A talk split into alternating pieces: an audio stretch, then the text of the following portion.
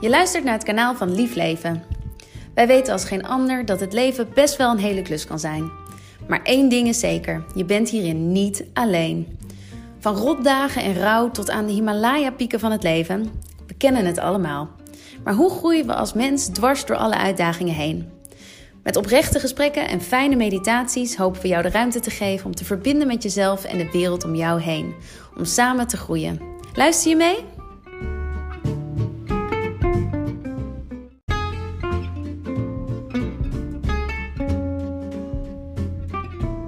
Vandaag praten we met iemand die taboes als geen ander weet te doorbreken.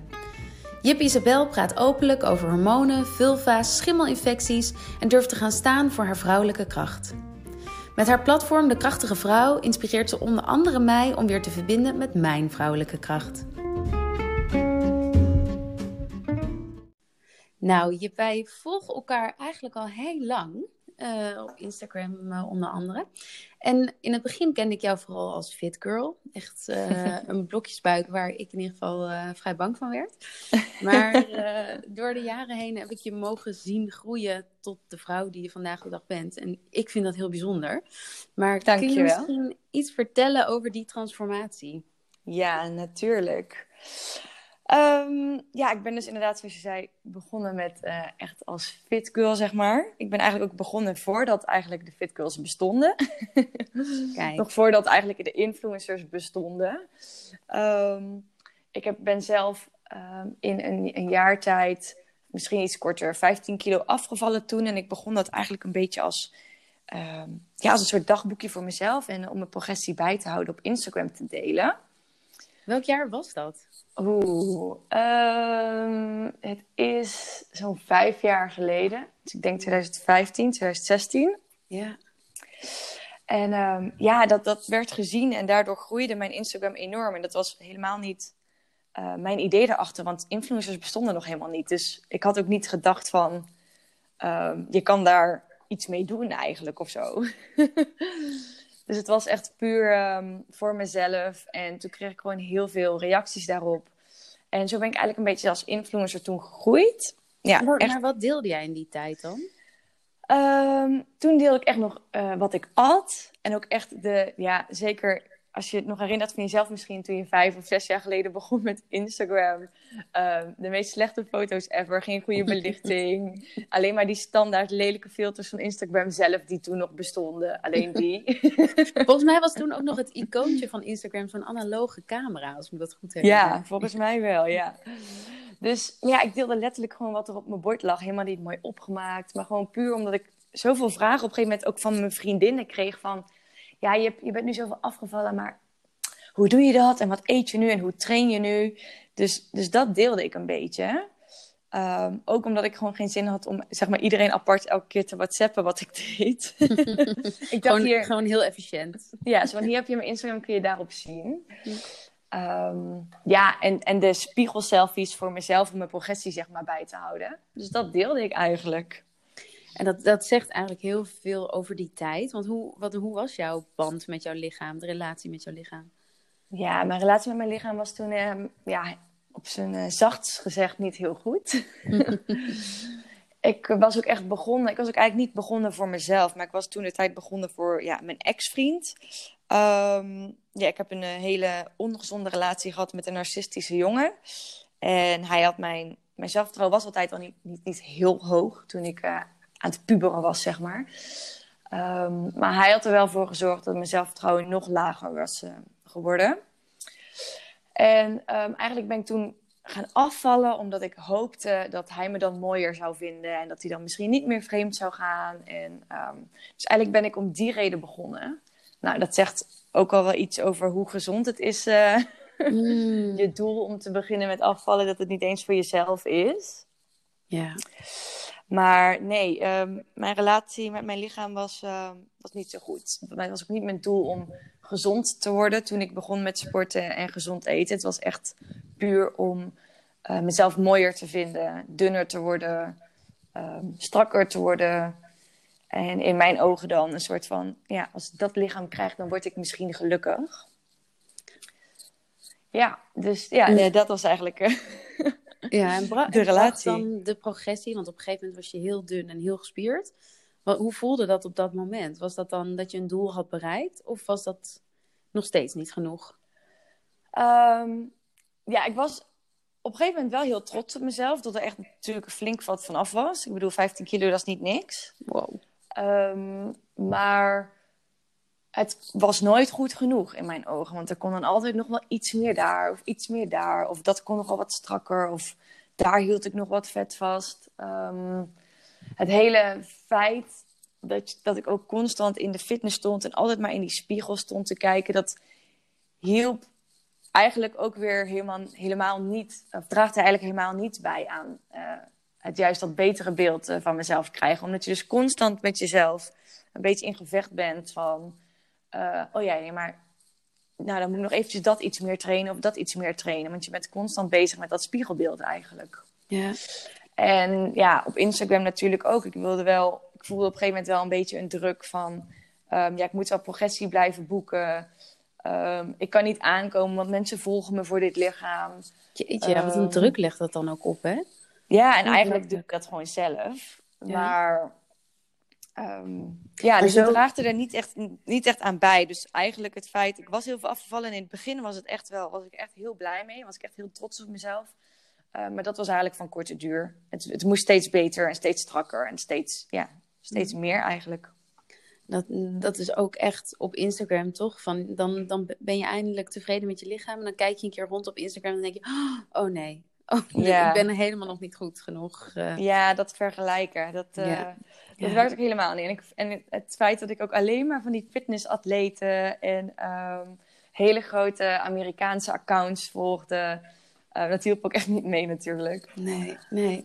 Hey, en nou ja, jouw tijdlijn evolueerde, maar jij als mens boven alles evolueerde. Ja. Kun je daar iets over vertellen? Hoe, hoe veranderde dit?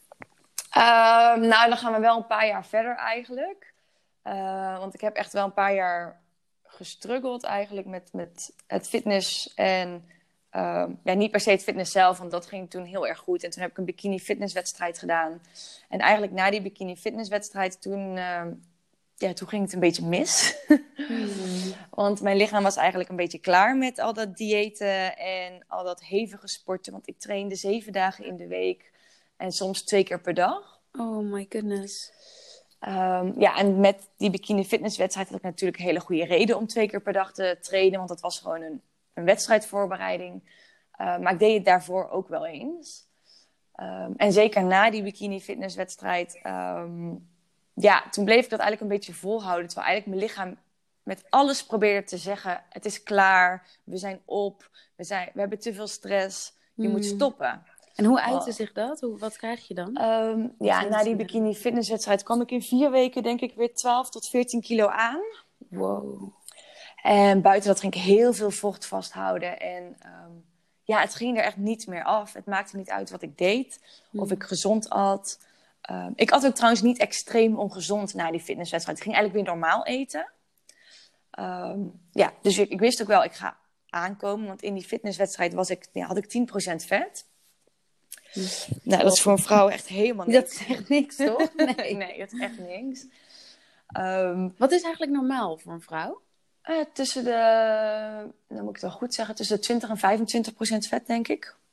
En dan zit gemiddeld, de gemiddelde vrouw zit rond de 24, 25. Oh ja. Ja, en, en, En- überhaupt bestaat er zoiets als normaal, hè? Ja, nee. Ja. Ja, ze, houden- Gemiddeld. ze hanteren een beetje, als je boven de 30 procent komt, dan kom je een beetje in de ehm, overgewicht ehm, ja, categorie, moet ik dan zeggen. Maar ja, die labels, dat vind ik ook allemaal weer zoiets, hè. Mm. Ehm, en dan zeggen ze gewoon meer van, dan moet je een beetje gaan opletten ehm, dat het niet ongezond wordt. Ja. Ehm, maar iedereen heeft natuurlijk van zichzelf een andere bouw. Dus ja, in principe, als jij onder de 30% zi- zit, dan, dan, dan is het gewoon, ja, naar mijn mening gezond. Als je gewoon lekker beweegt en gezond eet en af en toe geniet. En, eh, maar gemiddeld, ja, rond de 25% geloof ik. Mm. Dus ik zat op 10. Mijn hemel. Maar ja, dat is in zo'n wedstrijd natuurlijk normaal, want het is eigenlijk gewoon een topsport. Ehm, maar ja, mijn lichaam zei daarna natuurlijk van, oké, ja, je hebt nu is het genoeg geweest. Heel duidelijk, ja. Heel duidelijk. En ehm, ja, ja, er kwam dus heel veel aan. En ja, wat ik daarna ook deed, het ging er gewoon niet meer af. En voor mij was het natuurlijk mentaal echt een strijd. Want ik kwam veel meer aan, ondanks dat ik niet heel ongezond at, maar ik kwam veel meer aan en werd zwaarder en voller dan toen ik was voor de bikini fitnesswedstrijd. Want daarvoor zat ik altijd op een 17%, 18% vet. Dus dat is eigenlijk al heel atletisch en ja, heel strak. Um, maar ik kwam veel meer aan dan dat ik wilde, natuurlijk, toen de tijd. En um, ja, dat was voor mij mentaal vooral heel erg zwaar. Dat ik echt dacht van ja, nu heb ik al die jaren zeg maar gestreden voor een bepaald lichaam wat ik wilde hebben. En dan in één keer na zo'n wedstrijd zegt je lichaam gewoon: Ja, stoppen ermee. We hebben er geen zin meer in. Het is klaar. En um, ja, toen daarna eigenlijk, um, ja, toen ontwikkelde ik ook echt um, op een dieper level mijn eetproblemen. Want ik had daarvoor echt al wel eetproblemen en problemen met overcompensatie. Als ik te veel had gegeten, extra sporten. Uh, met name de reden waarom ik soms twee keer in de week of twee keer op een dag sportte. Mm. Uh, maar dat ontwikkelde zich toen natuurlijk heel erg sterk, omdat ik toen alles ging proberen om um, ja, maar weer af te vallen. In ieder geval die extra kilo's eraf te halen. Um, ondanks dat ik veel beter wist, want ik heb, uh, ben opgeleid als sport- en beweegdeskundige. Wow. Um, ik heb jaren gewerkt als personal trainer, voedingscoach. Dus tegen beter weten in, want ik weet heel goed wat gezond is en wat ongezond is, mm. um, ging ik toch weer um, in een hele zware ja, calorie. hoe zeg je het? Crash. Ja, ik kan alleen op het Engelse woord komen, maar die vindt. Uh, ja, kan er niet op komen, maakt niet uit. Nee, ik ging weer heel laag in mijn calorieën zitten. Ja. tegen beter weten in, dus eigenlijk. En ik ging weer twee keer per dag sporten. Um, maar ja, wat dus eigenlijk betekent dat ik het tegenovergestelde deed van wat mijn lichaam eigenlijk wilde. Want ik ging gewoon heel veel stress creëren door te weinig te eten en ja, overtrainen. Krijg je daar stress van als je te, te weinig of te veel misschien eet? Ja, ja zeker. Hmm. Um, eigenlijk alles wat wij um, binnenkrijgen, ja, qua eten of qua toxines en alles wat wij doen dat eigenlijk in, niet in lijn is met wat gezond is voor ons lichaam, dat creëert lichamelijke stress. Hmm. Dus niet per se misschien mentaal. Natuurlijk had ik mentaal ook heel veel stress. Maar alles wat je eigenlijk doet, waardoor je lichaam uit balans gaat, is lichamelijke stress. Hmm. Ja, dus, dus wat ik deed was gewoon heel veel trainen. Uh, mijn lichaam zo uitputten dat het gewoon lichamelijke stress kreeg. Uh, maar er gebeurde dus helemaal niks, want ik viel niet af. Het maakte niet uit of ik nou gezond at of ongezond at. Ik viel niet af, maar ik kwam op een gegeven moment ook niet meer aan. Dus ik zat echt vast op zo'n plateau um, waar niks meer veranderde. Maar hoe, hoe, wat deed dat met jou geestelijk? Want dit is vooral lichamelijk, maar... Ja, geestelijk vond ik dat super zwaar. Echt super zwaar. Um, met name omdat ik dus echt... Nou ja, ik ben ook echt ontzettende perfectionist... Um, ik had natuurlijk jaren, twee, drie jaar gestreden om op een bepaald um, ja, level te zijn met mijn lichaam. Uh, toen had ik mezelf uitgedaagd voor die wedstrijd. En toen dacht ik, nou, na die wedstrijd kom ik in ieder geval max terug op waar ik daarvoor zat. Maar ja, dat werd dus veel meer. Dus ja, dat, dat, dat werd voor mij wel heel zwaar om te zien dat ik zoveel aankwam.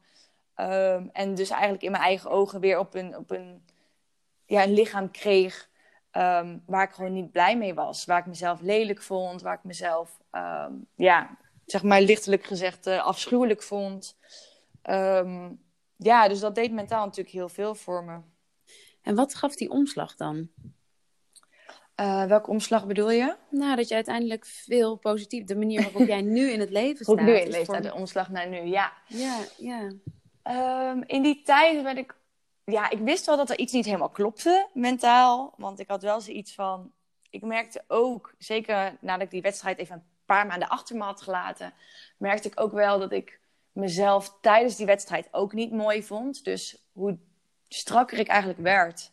Ik had natuurlijk gehoopt, nou, er komt ergens een punt dat ik denk: yes, nu vind ik mezelf fantastisch, mooi. Nu ben ik gelukkig. Um, maar dat punt kwam niet. Dus op een gegeven moment zat ik op die 10%, maar toen vond ik mezelf nog steeds niet mooi.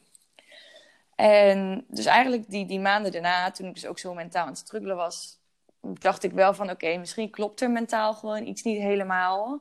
Want er is nog geen enkel punt geweest waarop ik wel blij was met mezelf. Of ik nu dikker ben of dunner ben.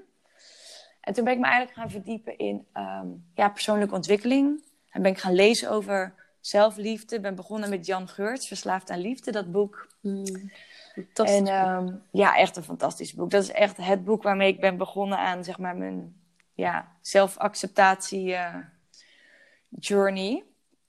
En um, ja, toen ben ik daar eigenlijk over gaan lezen. En ja, toen was natuurlijk na één boek natuurlijk nog ja, was er nog helemaal niet veel veranderd. Maar ik was wel iets bewuster mee bezig. bezig.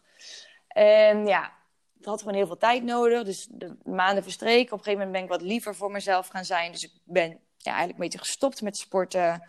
Uh, ik vond fitness ook helemaal niet leuk meer. Door, nou ja, omdat ik mezelf zo verplichtte om alles te doen. Uh, ja, naar die gym te gaan. Uh, heel plezier was er vanaf. En ja, fast forward. Um, ik denk een jaar later Ehm, was ik in mijn eentje op vakantie in Griekenland. Toen was ik echt helemaal alleen, zonder afleiding, even geen werk. Want ik was ook iemand, ik stortte me in mijn werk om maar niet aan mijn eigen problemen te werken eigenlijk. ik denk dat dit voor heel veel mensen herkenbaar is. Ja, ja dus wat ik eerst zeg maar in de fitness deed, een beetje mijn problemen ontlopen en um, afleiding zoeken. Um, nou, dat, dat voelde voor mij in de fitness niet fijn meer, dus toen ging ik me storten op werk. Ja, wij kennen ook, wij kennen elkaar vanuit die periode. Want ik werkte toen voor Fresh, dat online magazine. Ja. Uh, magazine, ja. En ik werkte toen denk ik 80 uur in de week. Ai. op zijn max. Over stress gesproken. Ja, over stress gesproken, ja. Um, puur maar om niet ja, eigenlijk stil te staan en met mezelf bezig te zijn. Uh, gooide ik me daar volledig in. En toen op een gegeven moment was ik uitgenodigd voor een persreisje in Griekenland. En ik was daar alleen, want ik mocht over een klein eilandje uh, ja, in Griekenland schrijven. Dus ik werd daar alleen ontvangen en ik uh, werd daar wel heel leuk ontvangen door van die gidsen en zo allemaal. Maar uiteindelijk ben je wel, zeg maar, alleen op reis. Ja. En op de, ja, zeg maar tussendoor, omdat die, ja, die Griekse mensen doen natuurlijk ook allemaal uh, een siesta tussen de middag. dus dan had ik even niks op mijn programma staan. En dan ging ik zelf gewoon even naar het strand of zo.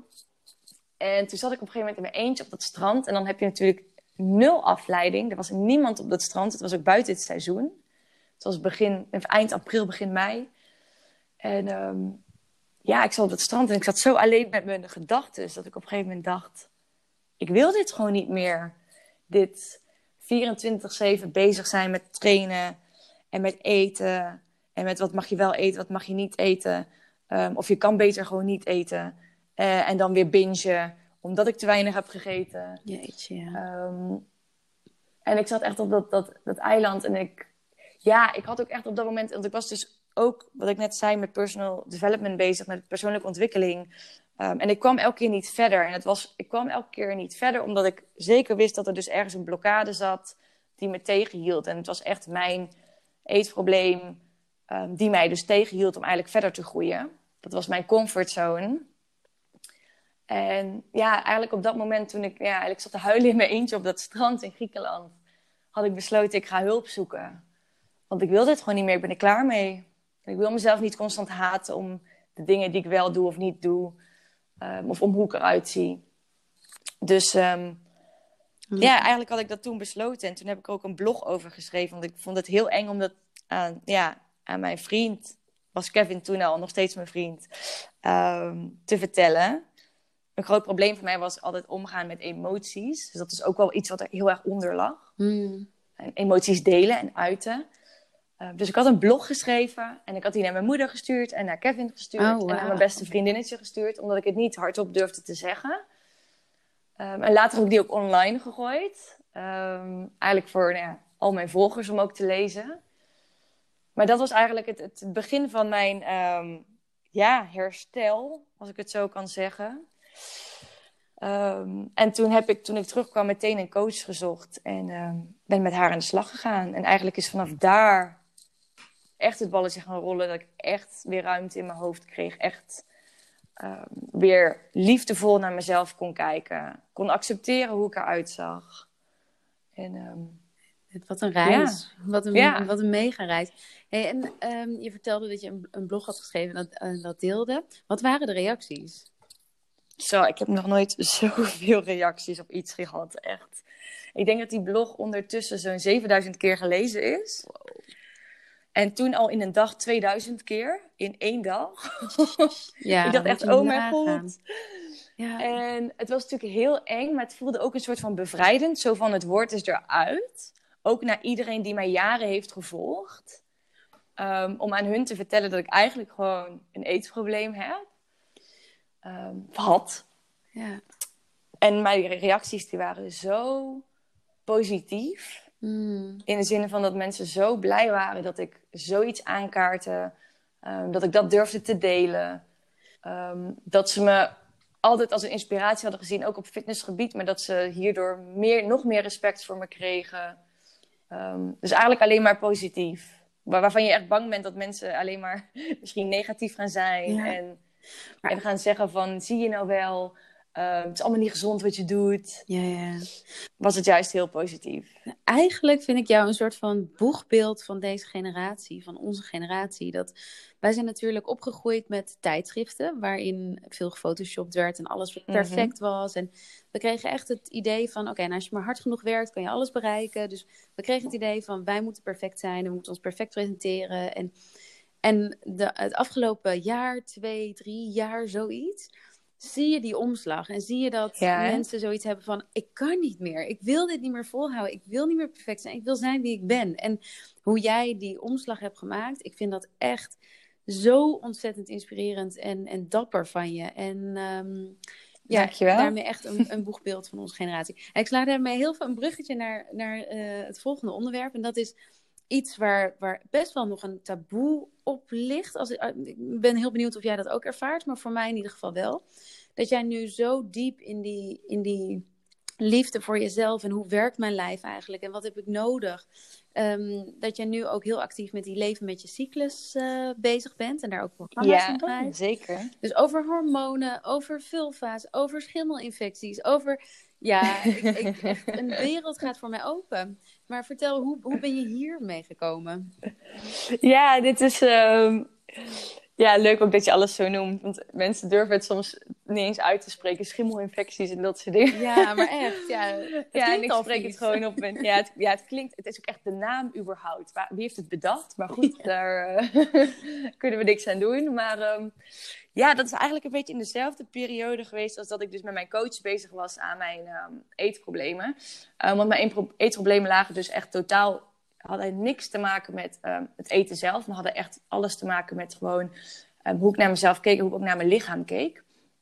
Um, want ik had eigenlijk mijn lichaam nog nooit gezien als iets wat eigenlijk gewoon functioneert zoals het hoort te functioneren. Ik zag het echt als, de, als het uiterlijk. Niet, niet, ik keek nooit naar, kijk nou eens heel even of sta even stil bij wat er allemaal dagelijks in je lichaam gebeurt, wat er zich plaatsvindt celdelingen, hormonen die uh, samen een dans aan het vormen zijn, zeg maar.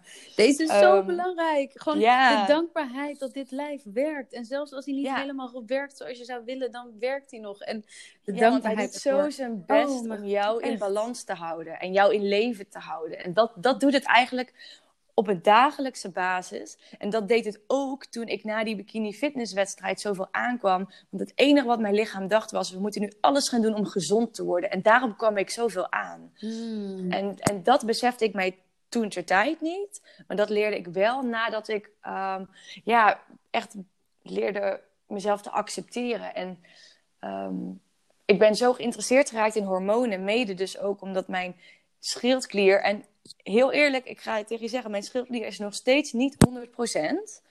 Um, en het komt echt door die jaren, dat jarenlang diëten en die bikini fitnesswedstrijd als, ja, als kers op de taart, zeg maar. Um, en ik ben nu hormooncoach, maar ik, ik, ben nog steeds bezig met dat stukje herstellen in mijn lichaam.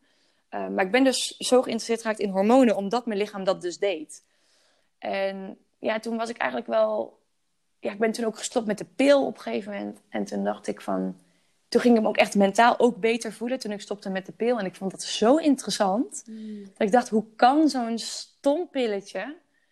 Um, zo'n hevig effect hebben op mijn mentale gesteldheid. En op mijn lichaam, lichamelijke klachten. Want ook van die pil kreeg ik altijd schimmelinfecties en dat soort dingen. En ehm, ja, dus ik werd daar een beetje geïnteresseerd in. En um, ik ging met name toen lezen ook over de menstruatiecyclus. Um, het boek van Lisa Listers. Love Your Lady Landscape heet het. Ook een super mooie oh, titel. Ja. En zij vertelt dan echt ook over hoe zij ook jarenlang haar lichaam heeft gehaat omdat het niet goed werkte en haar menstruatiecyclus uit balans was. En, um, en ik vond dat verhaal ook zo mooi. En, dan vertel, en toen begon ze te vertellen over de, de, de verschillende fases waarin wij zitten. En daardoor, ja, eigenlijk, eigenlijk um, ja, bloeide ik eigenlijk helemaal op toen ik dat allemaal leerde. En toen ik dacht, wow, ons lichaam is zo speciaal, ons vrouwenlichaam en hoe het werkt. En um, uiteindelijk heeft dat leven naar mijn cyclus dus eigenlijk het meer leren naar mijn cyclus. En daarna zelf nog meer over gaan uitzoeken. En nog meer boeken gaan lezen uh, erover. En ook echt gaan proberen van oké, wat doet het dan als ik mijn trainingen en mijn voeding aanpas op mijn cyclus? Op elke fase in mijn cyclus. Want onze cyclus bestaat uit vier fases. Um, wat doet het dan met mijn lichaam? En toen ik dat eigenlijk begon te doen, heb ik zoveel meer liefde gekregen van, voor hoe mijn lichaam werkt.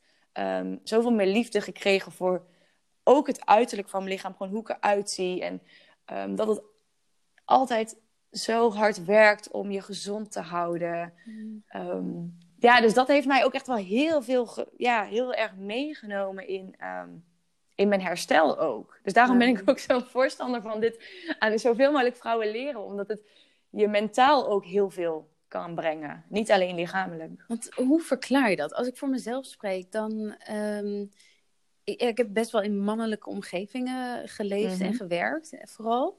En daarin is het gewoon, ja, je, je geeft helemaal geen ruimte voor hormonen of voor dagen in je cyclus. Of, uh, ik heb echt letterlijk nog nooit naar mijn lichaam geluisterd in die zin.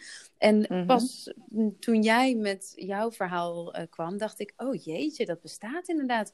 Moet ik ook maar, serieus dat, maar dat klinkt toch achterlijk dat ik daar nooit maar hoe verklaar je dat er heel veel vrouwen zijn, en in ieder geval ik, die, die daar dan nooit mee bezig zijn geweest? Terwijl het zo'n belangrijk onderdeel van je leven is. Ja, ik ben ook een van die vrouwen. Ik was ook nooit mee bezig. Ehm, ik denk sowieso omdat wij een groot deel uh, van ons leven alles onderdrukken wat met hormonen te maken heeft. Ik heb nu ook zoveel cliënten die op hun um, 12e, 13e, 14e met de pil beginnen. En ik zelf ook. Ik was natuurlijk 15 toen ik met de pil begon.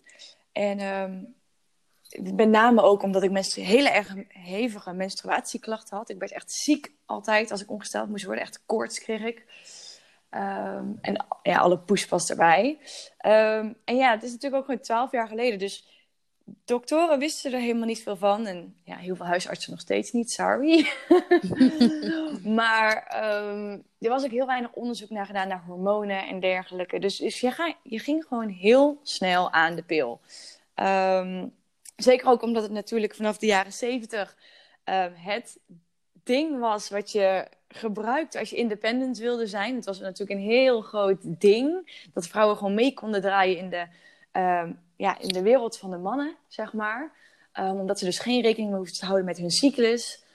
En um, ja, dat, dat is heel mooi geweest. En dat hebben we ook echt heel erg nodig gehad als vrouw zijnde. Ik bedoel, uh, equal rights, toch? Mm Alleen het, het enige ja, kleine nadeel daarvan is wel dat... Um, omdat het bijna gewoon bij volwassen worden hoort... meiden dus echt op een jonge leeftijd al aan de pil gaan... en daarmee eigenlijk al hun hormonen gewoon onderdrukken. En op het moment dat jij die gaat onderdrukken, dan, ja, zeker met de pil, heb je ook helemaal geen cyclus meer. Um, dus dan voel je die, al die veranderingen in je lichaam ook helemaal niet meer. Nee. Dus, dus de pil is natuurlijk een hele grote onderdrukker. Um, en heel veel vrouwen van, ja, kijk, ik ben nu 27. Um, ehm, jij bent nog net ietsjes ouder dan ik ben. onze generatie, zeg maar, dat is wel gewoon, ja, we hebben het allemaal gedaan allemaal gebruikt. Ja. En zeker ook dat stukje, die mannelijke energie waar je het net ook over had, um, in connectie staan met je vrouwelijke hormonen.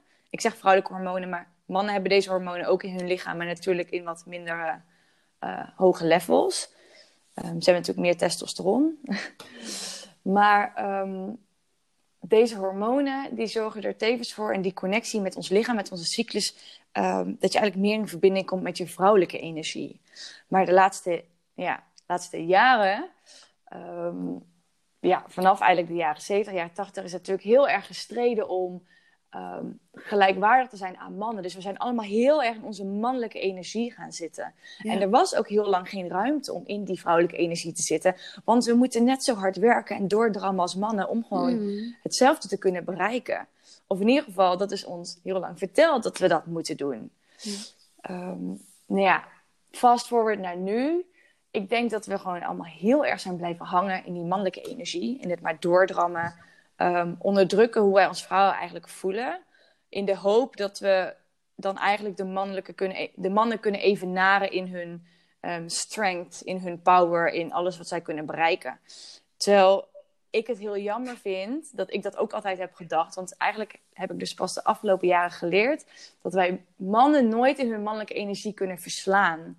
Als wij echt gelijkwaardig willen zijn, moeten we eigenlijk juist al onze kracht uit onze vrouwelijke energie putten. En dat betekent ook terug naar ons lichaam. Ehm, ons weer verbinden met onze vrouwelijke energie. Ons verbinden met onze cyclus. En eigenlijk zien hoe powerful ons lichaam is. Hoe powerful onze cyclus is. En hoeveel kracht je daar eigenlijk uit kan halen.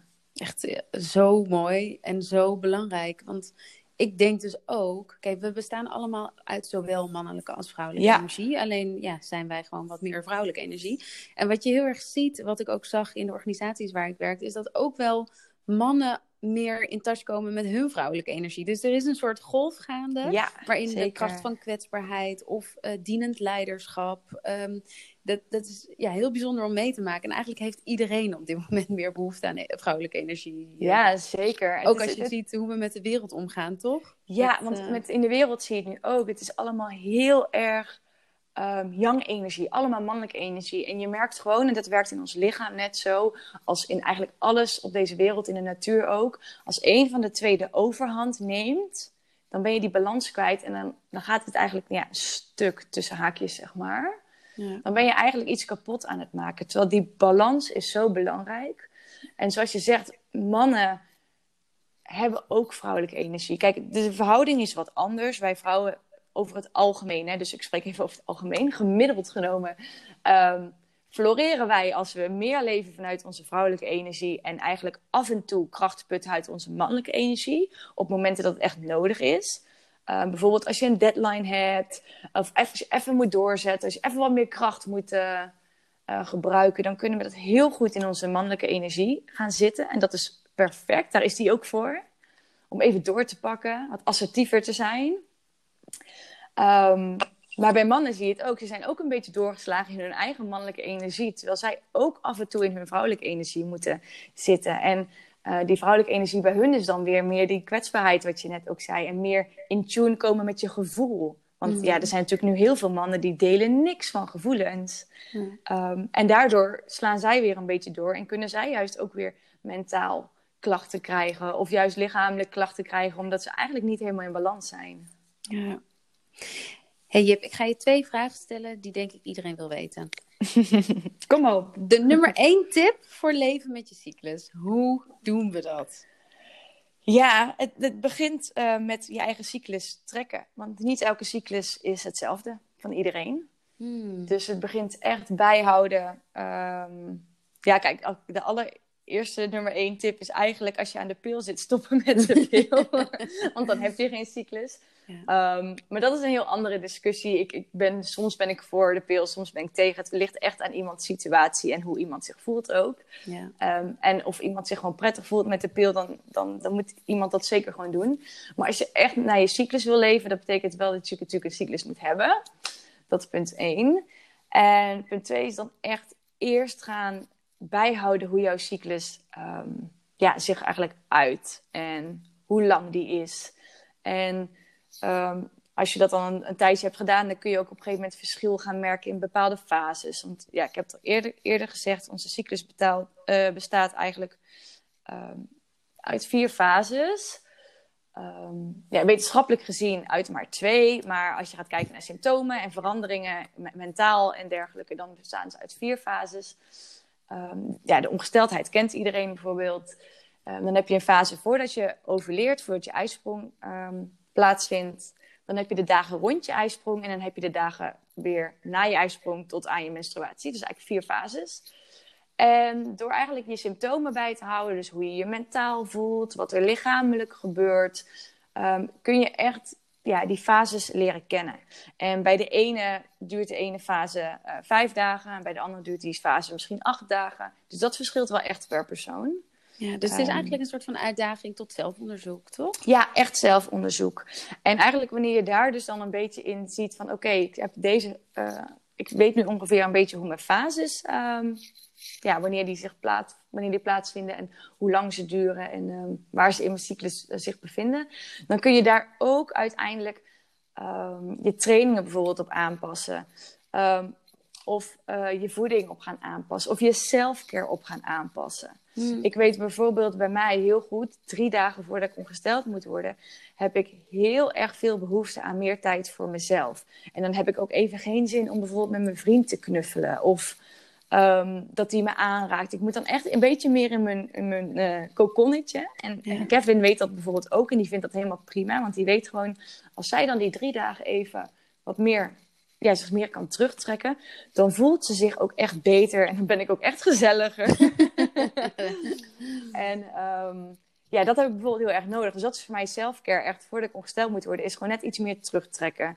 Um, net iets minder uh, meetings aannemen rond die tijd. Ja. Maar het kan bijvoorbeeld ook zijn voor iemand, juist rond je ovulatiefase, hebben we vaak heel veel energie. Dat je dan juist die high intensity workouts gaat inplannen, omdat je je dan super lekker voelt. Ja. Dus op die wijze kun je eigenlijk een beetje ja, je leven aanpassen op dan je cyclus. En dat zorgt er ook echt voor dat je mentaal en lichamelijk wat meer in balans komt. Omdat je jezelf dan de, de self-care en de behoeftes geeft waar, ja, waar, waar je lichaam op dat moment behoefte aan heeft. Thanks, super waardevol. Hey, en de, la de laatste is, hoe komen we van die rottige schimmelinfecties af? Dit willen we natuurlijk niet. Um, ja, kijk, daar heb je verschillende, daar heb je echt verschillende dingen voor. Nou, punt 1 kunnen de pil en de spiralen ervoor zorgen dat je meer schimmelinfecties krijgt. Het wordt niet altijd door de huisarts verteld, maar uh, officieel zit er bij spiraaltjes ook een bijsluiter. Die krijg je ook niet altijd mee. Daar moet je volgens mij echt om vragen als je hem wil hebben. Maar daar staat het ook in. Um, toch weten heel veel vrouwen dit niet. Mm. um, ja, en dat komt toch echt omdat ook de, de pH-waarde, als je iets gewoon in, jou, in jouw vagina brengt, of bij jouw baarmoeder, dan kan de pH-waarde wat aangetast worden. En kun je gewoon wat sneller um, ja, infecties oplopen. Daarnaast zijn natuurlijk echt de, de, ja, de, de dingen als niet met zeep wassen, um, je vulva en je, en je vagina, maar gewoon met water, met lauw water. Geen vaginale douches gebruiken, want daarmee, ga je, ja, daarmee haal je, zeg maar, je, je, de, de, de slechte bacteriën weg in je vaginaflora, maar ook de goede bacteriën. Hmm. Dus uiteindelijk kunnen dan weer andere slechte bacteriën de overhand krijgen. Dus vagina douches niet gebruiken. Um, gezond eten. Um, ja, wat hebben we nog meer? Katoenen vrouwenhygiëneproducten gebruiken. En geen, ja, het liefst geen, geen tampons en maandverband waar zeg maar chemicaliën in zitten. Uh, ja, katoenen ondergoed, dat soort dingen. Ja, ja nee, top. en tevens, tevens een, een laatste waar ik, ja, omdat ik dus heel veel cliënten heb, die hebben last van vaginale schimmelinfecties. Zo'n infectie kan ook uit je darmen komen. Dus als jouw darmgezondheid niet op orde is, en dat zie ik heel veel, want de pil, de anticonceptiepil, heeft ook een is eigenlijk een medicijn en het heeft een werking op je darmen. Dus het kan je darmflora uit balans brengen. Um, tevens kan het ook je lichaam onttrekken aan belangrijke vitamines en mineralen die we nodig hebben. En als jouw darmflora eigenlijk uit balans is, je darmen zijn echt uh, de fundering voor een goede hormoonbalans en een gezonde vulva en vagina ook die, die optimaal uh, verzorgen, zorgen dat die optimaal werkt. Want dat kan ook heel veel kwaaltjes verlichten. Waaronder een vaginale schimmelinfectie. Volgens mij moeten we gewoon allemaal een consult bij je aanvragen. Kom maar binnen, ik heb nog plekjes over. Nou, uiteindelijk is het natuurlijk ook altijd maatwerk. Ieder lichaam is anders, iedere ja, cyclus is anders, uh, ieder mens is anders. En dat maakt ons ook zo mooi. Hey lieverd, waar kunnen we jou vinden? Um, ja, op verschillende kanalen. Ik heb mijn persoonlijke Instagram is @jipisabel. Maar ik heb er ook eentje van mijn praktijk nu, waar ik veel meer deel over hormonen, uh, anticonceptie en uh, ja, gezond leven eigenlijk in general. Dat is de krachtige vrouw. En dan heb ik natuurlijk mijn website www.dekrachtigevrouw.com, waar ik mijn blog op heb, maar ook al mijn informatie over mijn praktijk op staat. Top. Hey, en we sluiten altijd af met het mooiste advies dat jij in je leven ooit hebt gehad en of je die aan ons door wil geven. Ja, zeker. Um, het beste advies dat ik ooit heb gehad um, is denk ik toch wel: je hoeft niet alles alleen te doen. Heel. In de zin van werken, maar ook in de zin van zoek hulp als je het nodig hebt. Want het is juist heel krachtig als je hulp durft te vragen. Mooi. Dat is ook de kracht van vrouwelijke energie, hè? Het samen ja, doen, verbinden. Zeker. ah, te gek. Dankjewel dat je dit met ons wilde delen. Ja, tuurlijk. En een mooie dag. jullie ook. Bedankt dat ik hier mocht zijn. doei. Doei.